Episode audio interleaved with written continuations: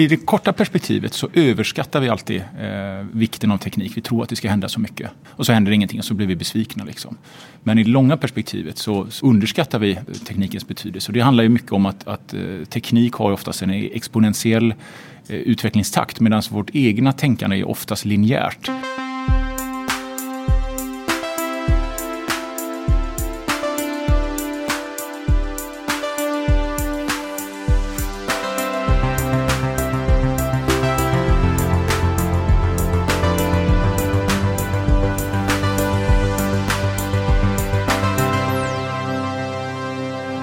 Ja, välkommen tillbaka till Heja Framtiden. Eh, vi är idag på AI Business Summit i Stockholm.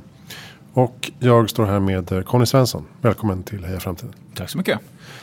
Um, ska vi säga att du är um, chef för AI och digital transformation på CGI? Ja, men det tycker jag stämmer bra. Ska vi, ska vi börja med, det tycker det stämmer bra. uh, det är en tolkningsfråga. Ska vi börja med att prata lite om vad CGI är? CGI är ett eh, kanadensiskt globalt eh, IT-tjänsteföretag.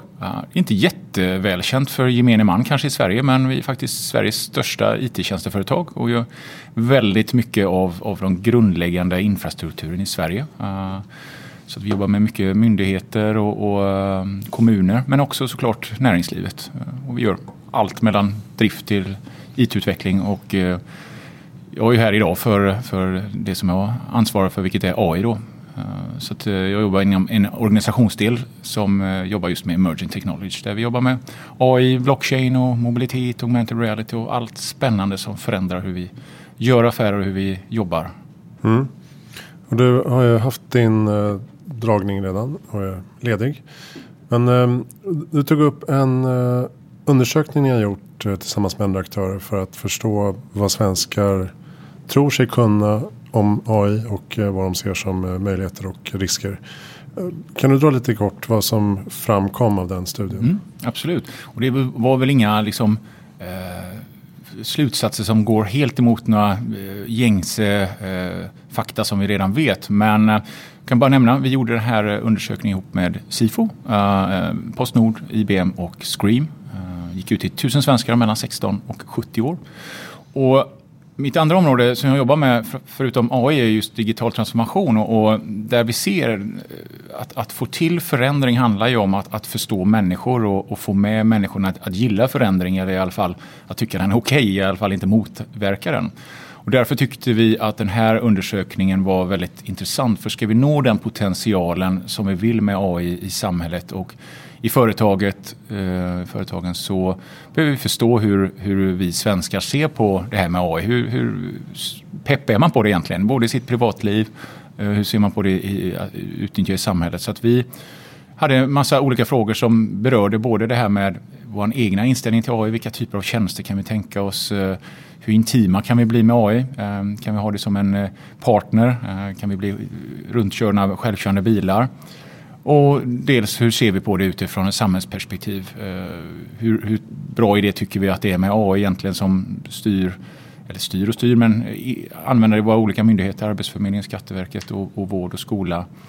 Ehm, sedan så börjar vi med lite frågor som jag tycker ändå är intressant som, som visar att eh, 71 procent av de som svarade de ratear sig själv på att de kan inte så mycket om AI, eller, eller lite sådär.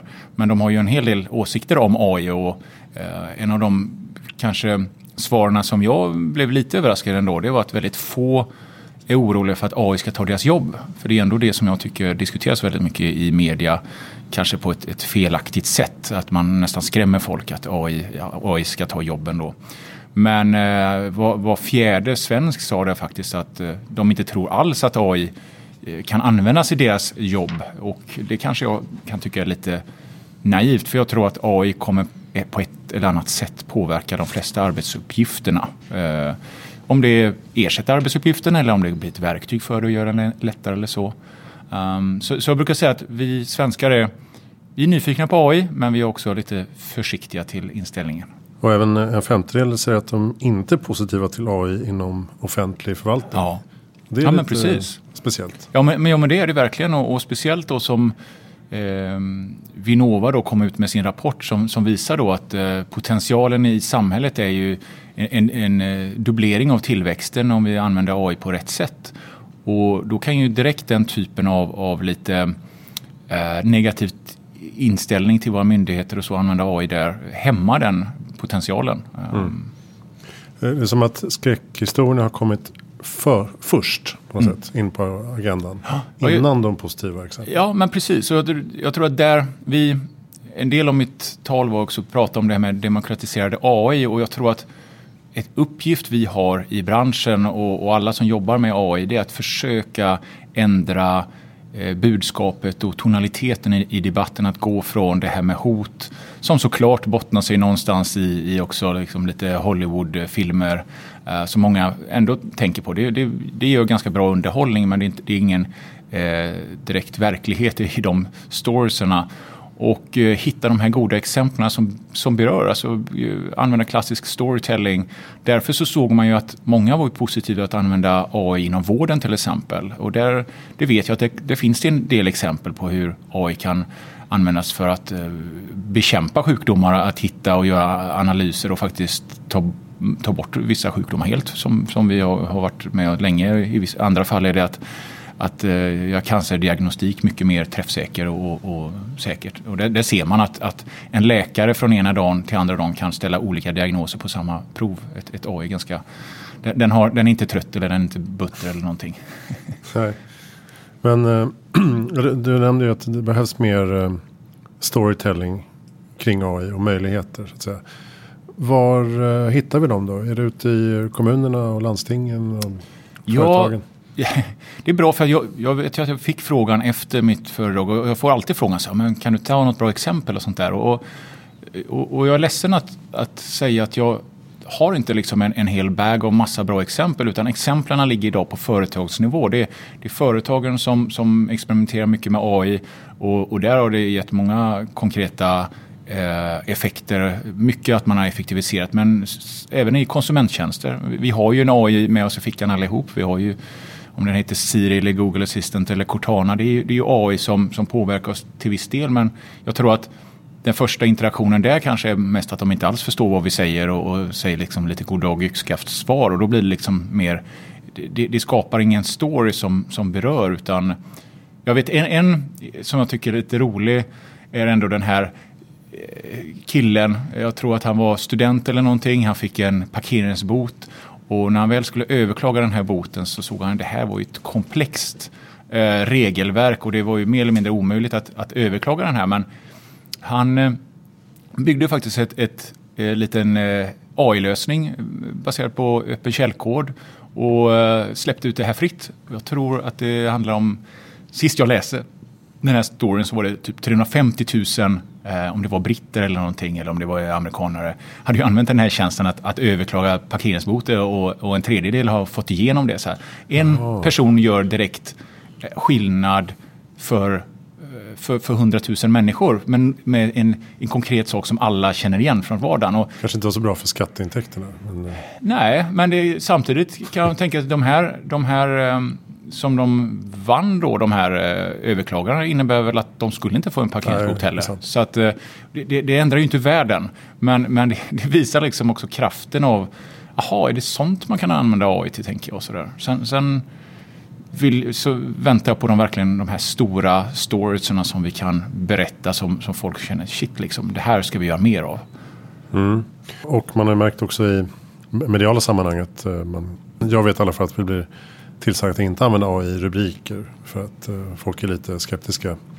Och uh, jag vet Sana Labs som uh, jobbar med AI inom utbildning. Har valt att inte alltid använda sig av begreppet AI inom utbildning. Utan de använder sig av andra, andra ord för att beskriva sin verksamhet. Och det blir lite, det blir lite synd kan jag tycka. Mm. Men du säger ju också att vi ska inte tro att det här är någon big bang. Utan det här är någonting som kommer liksom smyga sig på under de kommande 10-20 ja. åren.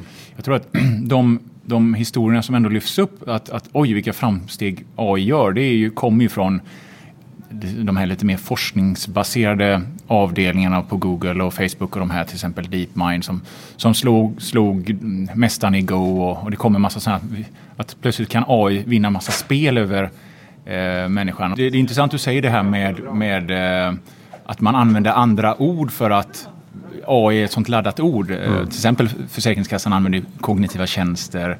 Eh, IBM har ju använt cognitive computing länge och sånt där. Och, och det finns ett, ett, problem med begreppet AI för det är så brett. Det finns så mycket olika subgrupperingar vad, vad det är. Så, så därför, det är väl därför också folk känner en, en förvirring och, och lite sådär, vad är AI egentligen? Är det, är det robotar eller är det automatisering eller är det det här eller det här? Det, det är en helt ny foundational teknologi som kommer förändra det mesta. Och, och, säger man det så blir det väldigt abstrakt och svårt för någon att, att ta på. Så, så mm. Jag tror att en stor del handlar om att vi måste jobba mer med förståelse och information. Uh, vi pratade mycket om, uh, på konferensen här idag om, om, om ett stort behov av att öka uh, utbildning och information kring vad AI är. Kanske dags att damma av det gamla ADB-körkortet och ha ett AI-körkort. Jag vet inte. Mm. Jag ska poängtera bara att det här med Big Bang och um, långsam evolution. Det var, Christian Gottman som sa det i första, första föreläsningstimmen. Och sen så tog det vidare det. Ja. Ska man säga så? A absolut. Ja, jag tänkte faktiskt också, också göra den rättningen. Tillskrev dig ja, nej, men till, till, till, Tills det kom in några här och jag, jag tappade tråden lite vad, vi, vad det var vi pratade om. Men, men eh, absolut, jag, jag tror att, och det här är ju det är ju precis som egentligen all annan te teknik. Liksom att vi, I det korta perspektivet så överskattar vi alltid eh, vikten av teknik. Vi tror att det ska hända så mycket. Eh, och så händer ingenting och så blir vi besvikna. Liksom. Men i det långa perspektivet så, så eh, underskattar vi vad, vad, teknikens betydelse. Och det handlar ju mycket om att, att eh, teknik har oftast en e-, exponentiell utvecklingstakt medan vårt egna tänkande är oftast linjärt. Och eh, så, så, drar man de två kurvorna så kan man se någonstans där så, så möts de. I skärningspunkten så finns det en balans mellan vad tekniken kan och vad vi tror att den kan. Och, och där känner vi oss trygga. Liksom. Mm. Uh, så att uh, jag tror att vi det här är en, en, en, lång resa som kommer ske men jag tror 5-10 år framåt så, så, kommer det ha hänt mycket mer. Uh, och det kommer säkert AI är ett, ett gammalt område som har eh, liksom myntades ju på 50-talet. Det har gått igenom många AI-vintrar. Många säger så här, när, när ska nästa AI-vinter komma? Jag, jag, tror att de senaste åren har det skett väldigt mycket runt det som vi kallar deep learning och grejer. Och, och, det finns nog mycket kvar att hämta där men det kommer behövas ta nya stora steg inom AI-forskningen. och eh, eh, för att verkligen få en, en, mer förståelse om sin omvärld och, och bli någonting så som vi se framför oss i de här science fiction-filmerna och sånt där. Ja, just det. Och där har vi sett exempel idag med Fredrik här från eh, VASP-initiativet och eh, Linköping universitet. Och vi har även eh, Johan Harvard från eh, regeringen har varit här och pratat. Så det händer ju ganska mycket på olika, olika fronter. Vilka branscher är det du ser framförallt som eh, nyfikna på det här? Vården har vi pratat om lite. Ja. Men... Ja, eh, alltså, myndigheter och kommuner är väldigt eh, intresserade av detta. Och det är mm. klart att de, de står ju oftast inför stora besparingsbehov och mm, just, kopplat till automatisering och effektivisering. Liksom. Hur kan vi använda detta till att utnyttja skattepengarna bättre, uh, få folk uh, och de anställda att jobba kanske med mer, mer eller mindre komplicerade frågeställningar från våra medborgare så vill man ju spendera mer tid att, att uh, med de svårare kanske och automatisera till viss del de, de enklare så man kan ge, ge mer värde. när det kommer till, till näringslivet Um, så händer det mycket till exempel inom uh, bilindustrin. Um, det finns ju många initiativ där. Veoneer och Sinuity och Sevt um, som jobbar ju på självkörande bilar såklart. Uh, så där ser vi nästan att det börjar byggas upp ett litet center uh, runt, runt på västkusten. Hälsa är ju jättestort. Hela manufacturingindustrin. Jag ser nu att några industrier har varit lite tidigare men nu kommer nästan liksom alla på en gång. Så jag ser inte det är få industrier som som inte har kommit, hoppat på tåget ännu. Men sen har man mm. kommit lite olika långt. Och så kan vi ju då kanske slå hål på myten om eh, AI tar alla jobb och eh, skapar massarbetslöshet. Ja men absolut och där, där, där det, det, finns två aspekter för det. Dels så, så, måste vi ha AI för vi har arbetsbrist i vissa sektorer och speciellt liksom kollar vi på offentlig sektor och vård och sånt där. Uh, så där, där är ju AI på något sätt en räddare i nöden. Och dels så är det inte så att vi skapar arbetslöshet med att AI tar jobb eller någonting. Just nu så tar den kanske minskar och tar bort vissa typer av arbetsuppgifter så att du kan jobba med andra. Eh, men dels så tillkommer det med eh, nya jobb och, World Economic Forum släppte en, en rapport här i, i vintras eh, som säger just att det kommer till 58 miljoner nya jobb till 2022 eller 2023 eller någonting så, så, så att det skapar mer jobb, mm. inte mindre. Och det här kan vara, det är inte bara AI-relaterade jobb utan Nej. det kan vara alla möjliga typer Nej. av Men det, det, det, är tydligt, alltså, de har släppt en lista och det, det, tycker jag alla kan gå in och titta bara om man är intresserad. Så här, vad, vad, jobbar jag med idag? Vad, hur ser mina framtidsutsikter mm. och så? Och visst äh, är det så att en hel del av de nya jobben är mer och mer teknikorienterade jobb liksom för att liksom supportera det här hela ekosystemet av det. Men även andra typer av jobb. Absolut. Mm. Visst var det du som tog upp att uh, säkerhetsvakt är inget framtidsjobb? Precis, så var det ju. Uh, det, det, finns en sajt man kan gå in och, uh, och, och, söka. Jag kommer inte ihåg exakt adressen till den här, men man kan söka på vad, vad är sannolikheten för att ens jobb är kvar om, om, om 5-10 år. Liksom. Mm. och det handlar ju om, om, om, uppgifter som är enkla att automatisera, repetitiva saker. man ser att där det är säkrare, det är där det krävs intuition, kreativitet och liknande. Men, men det, är, det är områden, ska man vara ärlig också, som inte kommer vara helt avstängda från AI heller. Det finns ju massa eh, eh, olika demon på hur AI kan skapa musik och målningar och, och, och även användas inom innovationsarbete och liknande. Så att eh, vi, vi, är inte, vi har inte unik ställning på att vara kreativa här, här i världen. Ja, just det. Men eh, precis som med eh, schackliknelsen där som man kallar för kentaurer, att människa och maskin slår den bästa maskinen. Så kan väl, eh, kan väl vi försöka använda oss av det i även konst och musik då. Absolut, jag menar, det är väl ett, ja, man ser det som ett, en, en ny typ av pensel du har. Liksom. Eh, mm. Använd det till, till ditt konstnärsskapande. Liksom, till ditt, eh, jag, jag, såg en, en eh, video för en, en, biltillverkare här på Youtube härom eh, sistens där hela skriptet till eh, reklamen var komponerad av ett AI. Ja, liksom. Eh, och det var ju jätteintressant och de, de blev ju slagna. Men då var det ju, det tog ju mer tid att göra detta än om en människa hade gjort det. Så att i det här fallet så gjorde de väl för skojs skull. Men, mm. men eh, de, de analyserade hur människor reagerar på olika saker. Analyserade många olika YouTube-reklamer eh, med big data och sånt där och se hur, hur bygger man upp eh, dramaturgin i en reklam. Hur får man fram sitt budskap och sånt där. Mm. Så att, eh, det är jättespännande. Nej, det är precis som jag som, tänker som skribent. Alltså, om jag har en AI som samlar in researchmaterial, paketerar det, föreslår olika eh, dramaturgiska eh, banor eller vad det heter och eh, vinklar så är väl ett jättebra verktyg. Robotupplärare kommer att vara ett nytt yrke som, som kommer kräva domänkunskap. Alltså någonstans måste en människa eh, fortfarande i alla fall idag vara med och säga till AI och, och de här eh, modellerna som man tränar upp liksom vad, vad, är, vad är bra data och inte. Mm. Och eh, det, det, kommer ju upp några nya tjänster på tal om journalistik som, som kommer eh, sammanfatta och skriva texter även.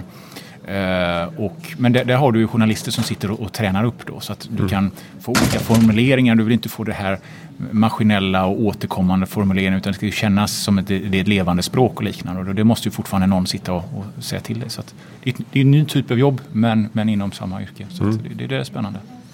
Bra, ska vi köra vidare med eh, konferensen. Tack snälla Conny Svensson för att du kom till Heja Framtiden. Tack för att jag fick komma. Eh, och tack till AI Business Summit i Stockholm som återkommer förhoppningsvis 2020. Då. Kolla in Heja Framtiden på hejaframtiden.se och följ oss i sociala medier. Tack för att du lyssnar.